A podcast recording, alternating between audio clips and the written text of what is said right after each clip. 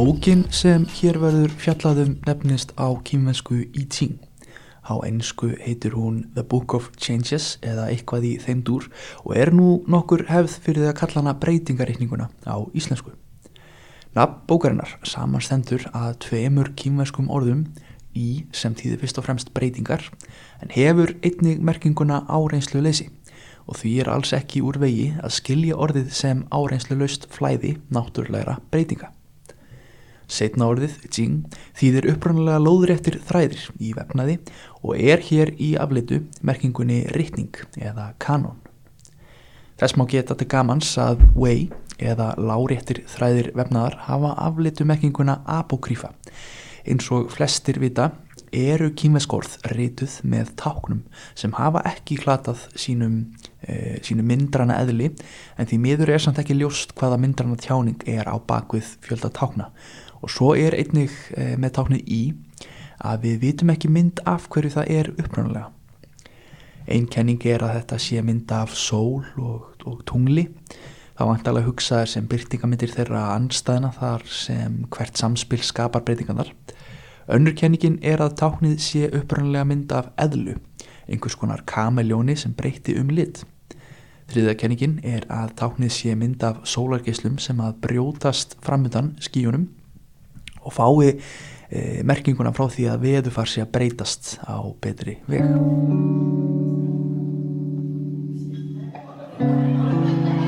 Ég heiti Daniel Bergman og þú ert að hlusta á hlaðvarpið í Östur vegi.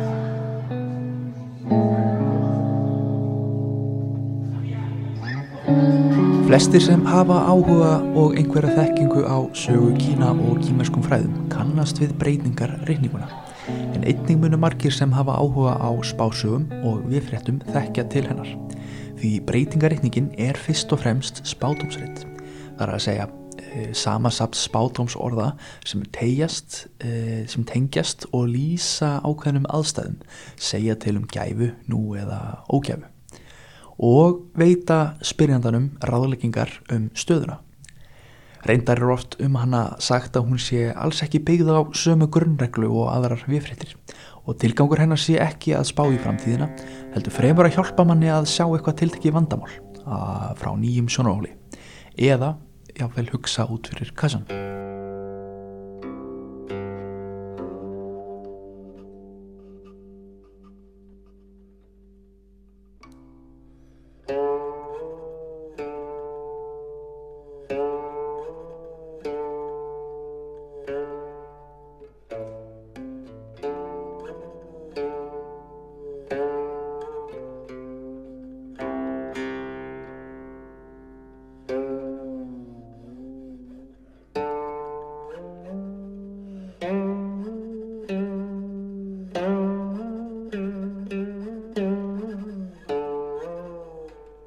Hvað sem því líður og hvaðan sín og skoðanir sem menn kunna hafa á þeirri spurningu þá er breytingarreitningin fyrst og fremst spáslagnaritt og mætti jápil líka stöðu hennar í menningu Austur Asju landa mm, við stöðu tarotspilana.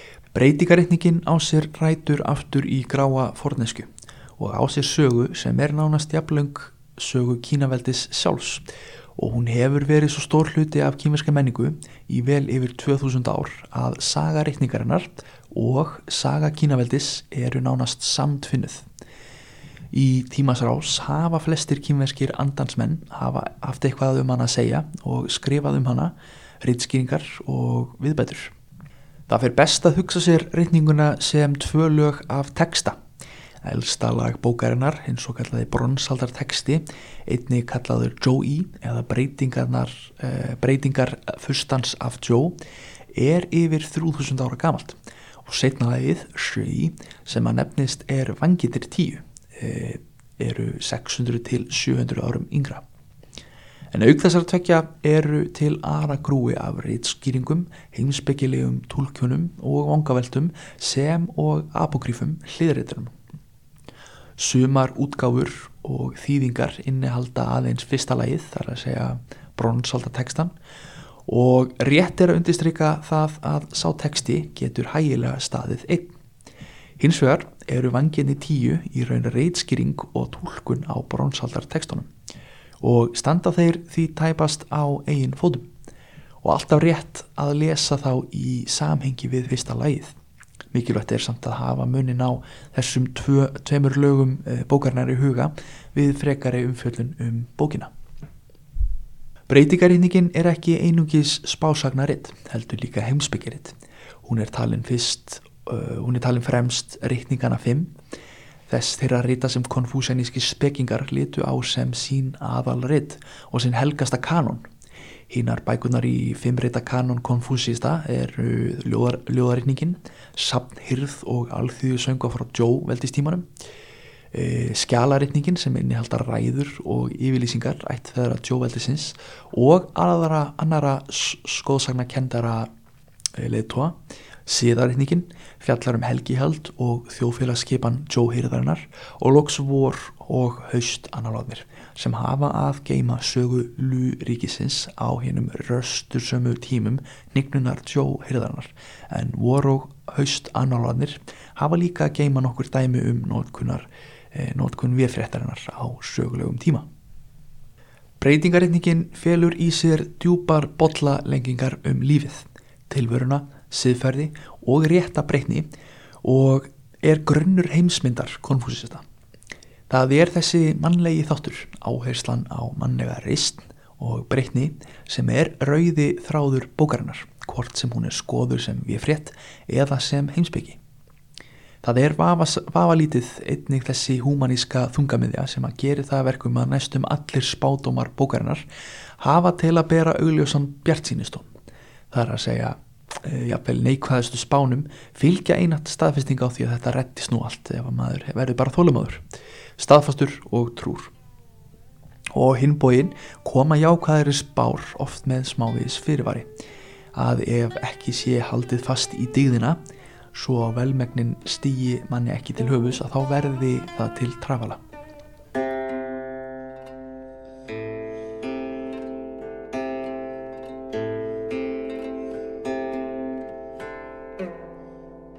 Breytingarreikningin byggir á ákveðinni heimsmyndar fræði. Þar er að segja heimsmynd byggða á hugmyndinni um yin og yang. Fræðimenn eru ekki á einu máli um hversu gömul þessi fræði eru og draga má í efa hvort þau eru yfir höfuð stór hluti af efstulugum bókarinnar. En á þeim tíma átti kýmvesk heimsbyggi sitt blómaskið. Á sjöttu til þriðjöld fyrir Krist þá voru þessar hugmyndir ofnar inn í konfúsínska Eh, rýtskýringar sem eru annað, annað lag bókarinnar þar að segja vangina tíu. Ín og Ján eru alls ekki einhver niðurjöfnanleg fyrirbæri heldur standa þau fyrir allar andstæður veraldar sem en eru jafnframt samkverður og skilt er að hugsa sér þessi hugtök þannig að hvort geti án hins verið. Að án ín væri torvelt og jafnvel ómögulegt að hugsa sér Ján og öfugt. Og ennfremur að ánín væri sjálf tilvist jang ómöguleg og öfugt. Að þessu öllu leiðir að sjálf tilvistin, öll sköpurinn er ómöguleg og óhugsandi án þessar tveggja grunn þáttar sem uppfyll, uppfylla, skilir það og skapa hvort annan. Til að hjálpa okkur að átt okkur enn betur á þessari hugmyndafræði er best að hugsa sér yin og yang sem anstæður ímissa fyrirbæra flokka sem að allir þekkja. Til dæmis er ín þengt kyrstuðu en yang reyfingu. Ín er mjút, yang er hart, ín er kallt og yang er heitt. Samspil þeirra er líkt að ín er ávalt að umbreytast í yang og yang í yin. Þannig er ekkert efnislegt eða huglægt fyrir bari bókstaflega yin eða yang. Heldur eru þessi hugteg tæki til þess að skilja heiminn sem eilívar og endalusar breytingar. Samspil anstaðara sangkverfa á hennum viðfæðna grunni sem er veröldin en jafnvel er hér gengið enn lengra og sjálfur tíminn er sagður hafa jang eðli og rúmið ín eðli, e, fortíðin ín eðli og framtíðin jang eðli. Heitning er ín stundum kent til hins kvenlega en þá jang til hins karlmann, karlmannslega. Svo útleiking er sennilega ekki alveg við eigandi í dag nýja samræmaleg hugmynd um jafnbretti og pólitískan réttrúnað og þarfnast kannski aðeins nánari útlengingar þótt að því aldana rás hafi ín og jang hugmyndafræðin stundum verið nótuð sem grundvöllur eblingar feðraveldis og hvenn fyrirtiliðningar þeirra sem að konfúsanismi er allræmdu fyrir. Þá stennst svo hugmynd ekki alveg skoðun og virðist vera nær að líta á hana sem mótsagnakjanda rántúlkun. Því þóttið karlmannlega sé jang þýði það ekki að karlmenn séu jang og öfugt því hið kvenlega er kent við ín en konur eru ekki ín. Bæði karlar og konur hafa í sér bæði ín og jang. Auk þess sem þessi tvö eðli eru sífælt að breytast í hvort annað og ummyndast. Þar af leiðir er í raun óröggrétt að telja mannveru geta verið holdgerfingu reyns ín eða reyns jang. Reynu sexgröfin tjenn sem samanstendur af sex yang-línum og kun sem samanstendur af sex ínlínum eru að vísu tákmyndir fyrir föður og móður en aðeins á algjörlega óhlutlægan hátt. Einnig skildi ekki líta svo á að yang sé æðra ín eða kenna annað til góðs og hitt til íls. Hið góða og ílla kann á einhverjum tímapunktum eða undir ákveðnum kringustæðum að hafa eðli annarkort ín eða yang en gott likur miklu frekar í góðu jafnvægi ín og jang. Og þar að leiðir er að ójafnvægi þeirra of mikið ín eða yfirgangur jang sem ætti að kenna við hýtla en fyrst og fremst þykir ljóst að í þessari heimsmynd og reyndar í ráðandi ströymum kýmesska heimsbyggi yfir höfuð að gott og ílt séu þegar allt er kemur til alls fyrst og fremst afstæð fyrirbræði og hugleg háð afstæðum og sjónahóli hins huglega gagvart hennu hlutaðega og þegar kemur að hinnu huglega og hinnu hlutlega að það vandast málið enn frekar. Því hvernig sem reyndir að kenna þessi tvö hið huglega og hið hlutlega við yin og yang þá rennur það manni úr greipum og afstæðinin og sí um breytalegin verður ljósari því lengra sem að fer með þá hugsun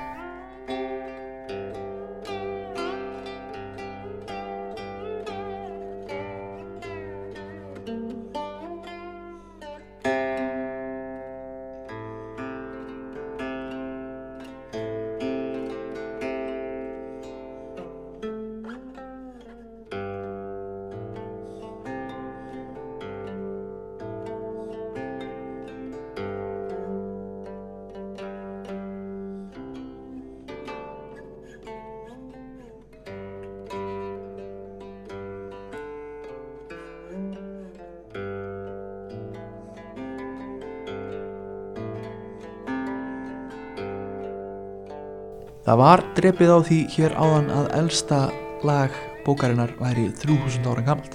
Hér er um að ræða svo kallaðan bronsaldar texta. Þessi texti er kjarni bókarinnar og innsta lag og segja má sem svo að restin af bókinni sé nokkur skona viðbót, útvíkun eða reitskýring við hann.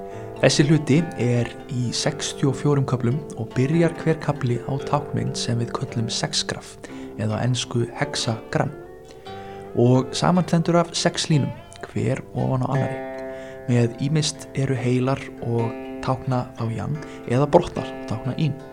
Ef hlustandi á erfitt með að sjá þetta fyrir sér þá er ekki úvegi að staldra eins við íta á pásutakkan og googla orðin íting og hexagram saman. Þá ætti að koma upp myndaðmi sem að gera þetta ljóst. Uh, Suður kóriski fánin innihildur einni þessi hexagram því getur við séð áhrif þeirra á menningu landa vísvegar um Asju og víðar.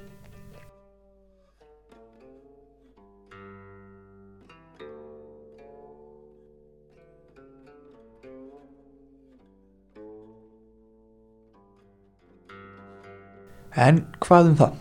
Tákmyndinar eru einmitt 64 talsins því að tveir, e, það er ín og jang. Í sex veldi fyrir sex línur er einmitt 64. Hverri tákmynd fylgir síðan kaplateksti sem að tengist og lýsir og á að vera einhver hátt dæmagerður fyrir þá sérstöku blöndu af ín og jang sem hvert sexgraf félur í sér. Einnig er teksti fyrir hverja línu sexgrafsins. Tekstanir eru mjög með í slangir en flestir stuttir og óræðir eins og áður hefur komið fram. Tökum sem dæmi sexgraf nr. 22 sem kallað er B sem þýðir í samhengi vefréttarinnar þokki, skraut og fegrun eða fegrun. Aðalteksti sexgrafsins er svo, þokki, fórnin er þegin, það er lítill ávinningur af áfokastað. Línunar hljóma sem svo, aðtugið að í bronsaldatekstanum hefjast allar janglínunar á nýju sem merkir að þær eru að breytast í andstæðu sína, ín, og allar ín línunar hefjast á sex. Fyrsta línan er nýju, fætur hans skreitir, vagnin yfirgefin og farið fótgangandi. Önnur lína er sex, skekk hans er skreitt. Þriðja lína er nýju, þokkafullur og gjafmildur, spáð gæfu til lengri tíma. Fjórða lína er sex, þokkafullur og skínandi, hvítur, hestu, fjöðurum, skreitur, ekki þjófur heldur byðill. Fymta lína er sex, þokki í hæðagorðum, litlir silkiböglar, vandræði en á endanum gæfa. Efsta línan er nýju, skreittur kvítu, engin eftir sjá. Þessi þýðing er ákaflega lausleg sögum þess að klassísk kýmveska er alltaf stuttorð og nýtmið. En aukðas eru þessi tekstar ákaflega óræðir eins og áður hefur drefið á.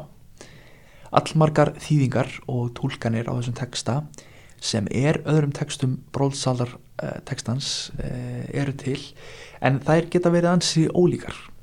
En hér er hugmyndin svo að það sé hægt að svara spurningu eða segja eitthvað um aðstæður spyrjata með því að tólka þessa línur. Notkun bókarinnar til spátoma krefst því ljóslega breytinga eh, breytingu innsæðis og afstæðum tengingum tákna og fyrirbóða Það er því ekki skrítið að yfir 500 ár, árum síðar var bætt því sem reitt skýringum vangjunum tíu sem að útleika skipulega e, siðfræði og heimsfræðum sem byggir á bronsaldatekstunum. Vangir 1 og 2 eru skýringar á við aðalteksta hvers hexagrafs. Vangir 3 og 4 eru skýringar á hvernig svo kalluð þrýgröf sameinast og mynda nýjar hugmyndir í sexgröfunum sem skýringar á línum sexgrafana. Vangir 5 og 6 er laung og margslungin heimsbyggileg tólkun á innihaldi bronsaldatekstans. Vangur 7 er, nánast, eh, er nánari umfullun um sexgröfin tjen sem er ná reynd jang og kun sem er reynd ín. Vangur 8 er umfullunum um þrýgröfin. Vangur 9 er teksti í bundnumáli sem áskýra uppröðun sexgrafana í bókinni.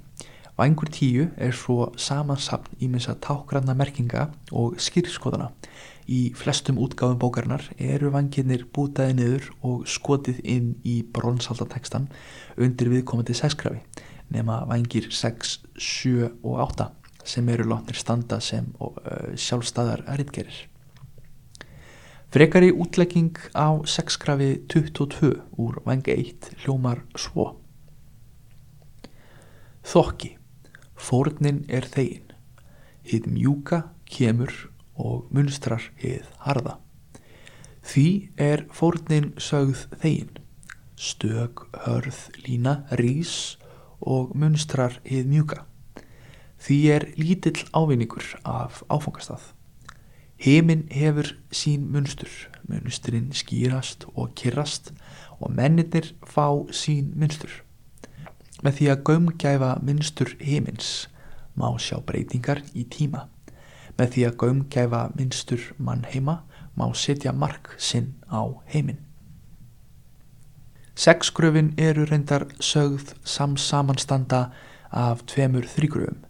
Þrýgraf er tákmynd þryggjalína sem alveg eins og línur sexgrafana eru annarkort heilar jang línur eða brotnar ín línur. Þrýgröfin eru sögð hafa verið búin til þannig að á grundvelli samkverfi anstæðinar ín og jang hafi orðið til fjögur tákn. Eitt reynd ín, annað ín fyrir ofan jang eða ungt jang, þriðja reynd jang og fjórða jang fyrir ofan ín eða ungt ín. Þessi fjögur tákn eru kölluð ímyndirnar fjórar. Þau standa meðal annars yfir höfuð áttir og ástíðir. E, gamalt ín er veturinn og norðurið. Ungt jang er vorið og austrið. Reynd jang er sumarið og suðrið. Ungt ín er svo haustið og vestrið. Þannig á sér stað útvíkun hinnar frekar einföldu myndar sem ín og jang draga upp. Síðan er einni línu í viðbót bætt við hvert þessa tákna og við fáum táknin átta sem á mandarin kýmensku nefnast bakva og snúið er að þýða en frummyndirnar átta eða bara þrýgröfin átta er kannski ekki óviðegandi þýðing í samhengi þessara hlaðvarstáttar. Þessum átta þrýgröfum er síðan tvö fyrir sig staplað einu ofan annað til að mynda 6 gröfin 64 eða 8 sinnum 8.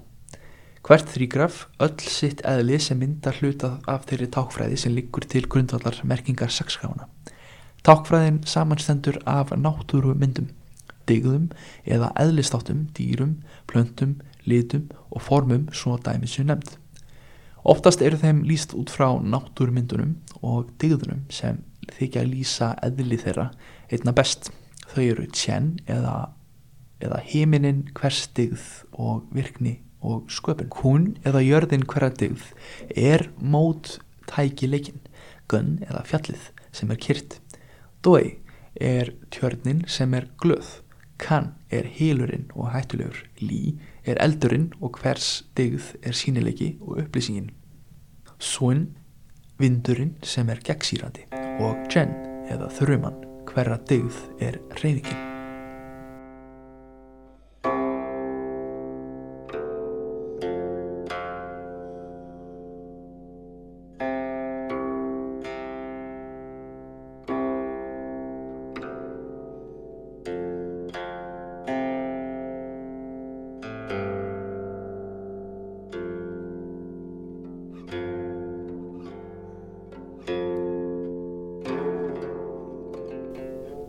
Í væng 8, þrýgröfin útskýrð, er tilurð og byrtingu þeirra líst á eftirfærandi hátt.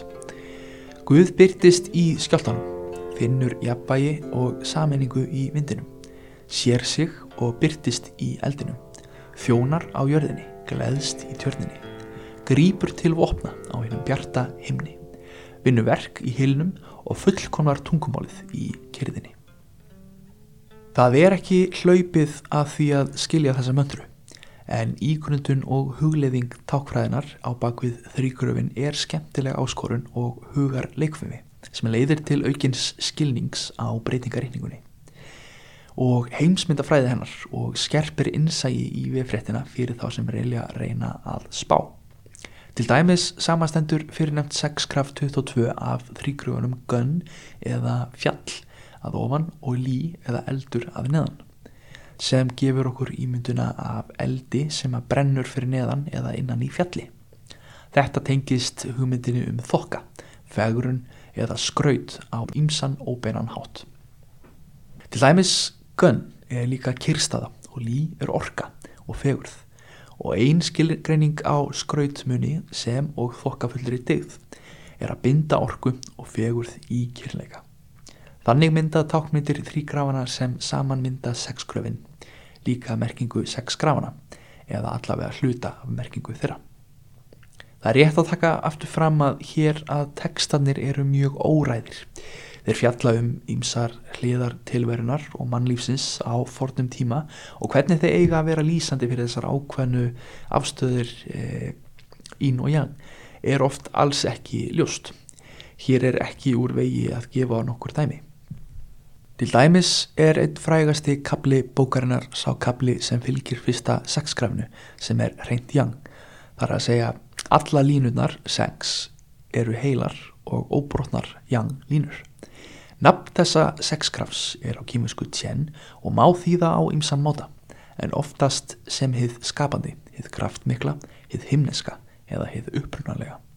Tekstinn fjallar að mestuleiti um góðsugulegan reka Tekstinn sem tengdur er fyrstu línu sexrafsins segir frá drega sem liggur í djúbunu og hefst lítið við. Í teksta annar línu er drekinn komin á þurrt land. Í fjórðu línu sveimar hann yfir vatninu, í þeirri fymtu er hann á flugi um heiminn og þeirra sjöttu er, hann, uh, er sem hann hafi líkt og Íkarus verið drampsamur og flogið ofhátt. Þarna er sem sagt lítil einföld saga um ristrekka frá hilnum í vatninu og flugi hans til himins. Drekinn er sennilega endurspeglun á hluta af trúalífi Ford Kínverja en aðrir hlutar tekstans eru meira um daglegt líf. Til dæmis er teksti 6 krafts nr. 2 tölverdi jarðbundnari sem er viðegandi því að í þessu 6 krafi eru alla línunar í inn sem oft er tengt við jörðu í samkverfu eða anstæðu sambandi, anstæðu sambandi við jang sem heiminin. Þetta 6 kraf ber nafnið kun þýtt sem hið móttakilega hið frjósama, jörð eða móðurkviður. Teksti sem fjallar um grafið í heild segir frá meri, krafti hennar og digð, en einning frá prinsi sem á sér takmark. Fyrst fer hann villu vegar en nær því að lókum.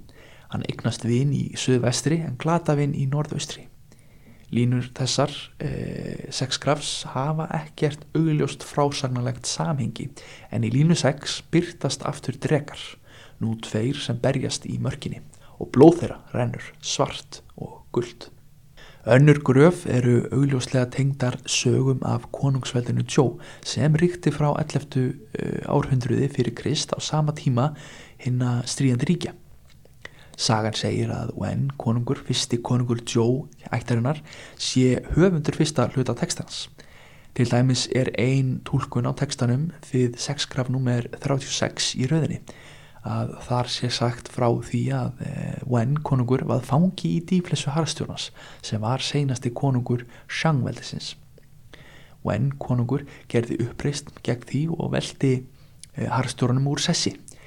Tekstar annara sakskrafa segja sögur af villigæsum og veiðimönnum bregða upp myndum af refum sem bleita skott sitt og er þeir stökka yfir læki hestakerrum fullum að draugum og systrum sem get ekki búið undir einu þæki og svo nokkur dæmi séu tekinn. Það er meira en bara líklegt og þykir nokkuð ljóst að á mótunatíma sittnilaga bókarinnar sem í grófum dráttum er fyrsta árþúsundið fyrir Krist það var töluvert af upprannlegri merkingu textans endur tólkuð til að falla betur að heimsmyndunar e, fræðinni og heimsbygginni sem var í mótuna á sama tíma.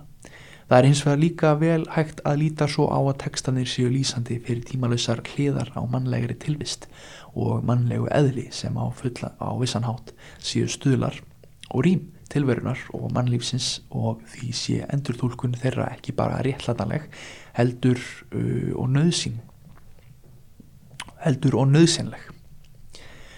Fjölmarkar vestrænar þýðingar breytingarétningarnar bera þess merki að ímyndir bronsaldatekstans eru endur tólkaðar fyrir okkar vestræna nútíma veruleika og sumar þeirra e, og sumar þessara þýðinga sleppa því að vel að hafa skýrskotun í upphafi tekstans það er, það er hægt að líta svo á að e, þetta komi alls ekki að sög og að tíma laus viska búi í sjálfum innviðum og uppbyggingu sexkrafana burt sér frá fornum torraðum textum.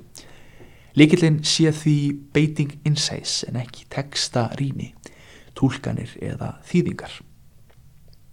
Nú vilja vafalaust margir spyrja hvort eitthvað sé að marka svona ef að horna spátum, uh, spásagnabók og velta kannski fyrir sér hvaða erindi hún geti eiginlega haft við nútímamenn og það er náttúrulega fullkomlega réttlændalegt að efast um svona hindurvitni en breytingaritningin er eins og áður var greint frá óaðskiljaleg frá sögu kýmverskar heimsbyggin og, e og því er skilningur og þekking á henni nöðsynleg þeim sem stúdera kýmverska heimsbyggi og sögu En auk þess hefur hún augljóst aðdráttarafl fyrir fjöldafólk sem telja sig hafa gagn af því að ráðfæra sig við viðfréttir og spátuma ímiskunar.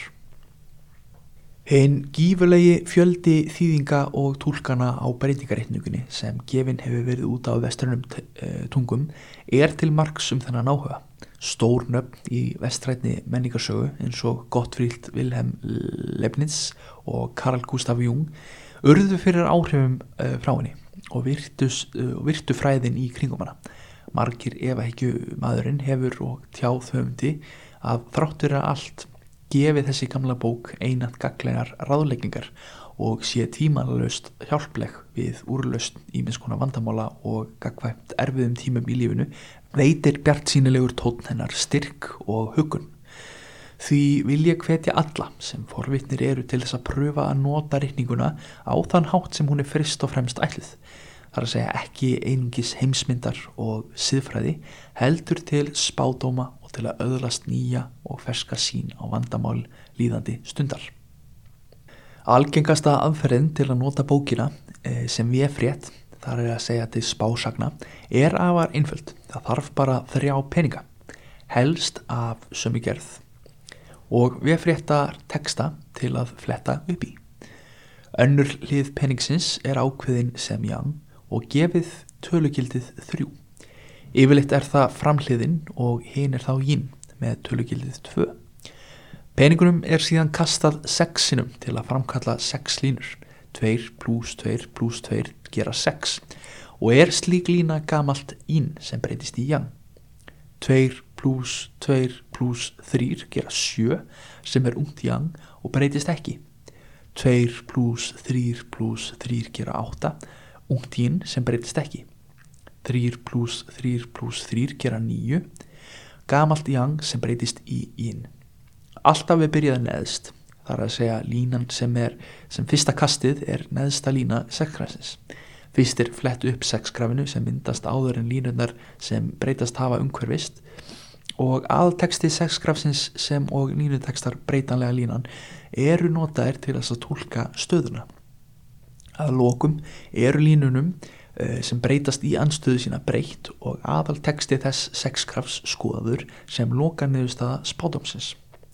Ef engar línur eru 6 eða 9 þá er bara aðalteksti sexgrafsins skoður og tólkað sem svo að engin frammynda mála sé framöndan. Önnur aðferð er að nota 50 mjóa stilka.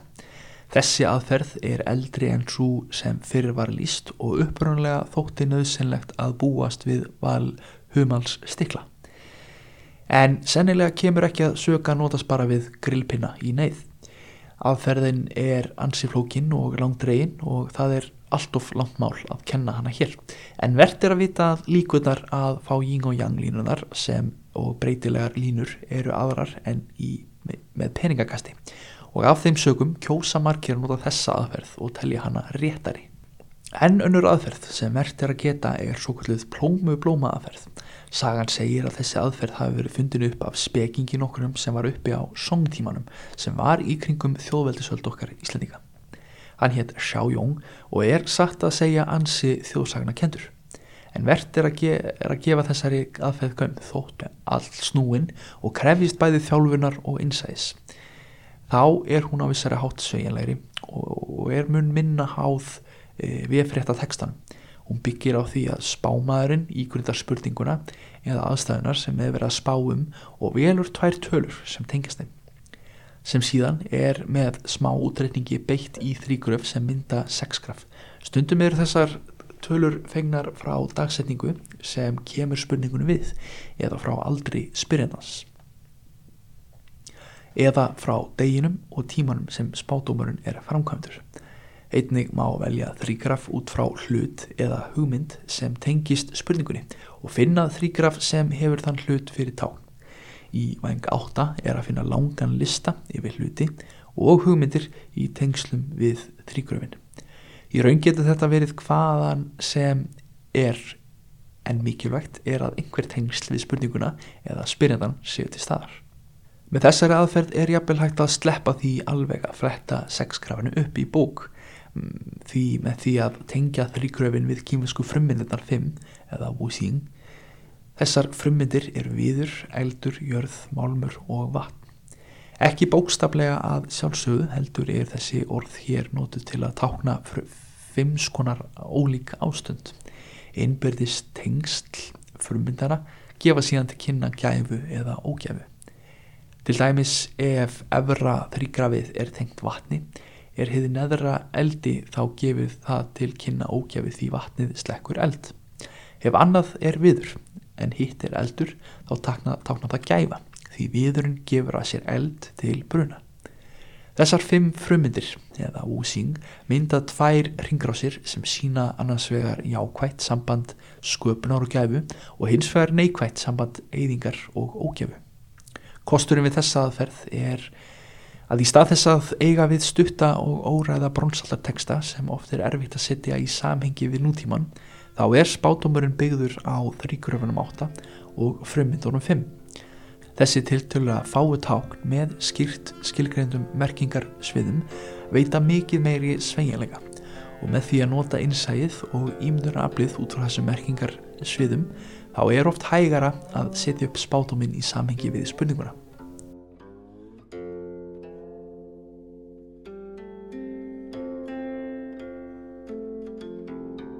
Hér hefur aðeins verið stiklað á mjög stóru og einungis kynnt til grunnatriði í þeim gífulega vídamiklum fræðum sem myndast hafa í tengslum við breytingareikninguna í tímas rás. Við vonum að hlustandi hafi öðrast einhverja einsýn og aukin áhuga á bókinni, heimsmyndarhennar, síðfræði og spátumum.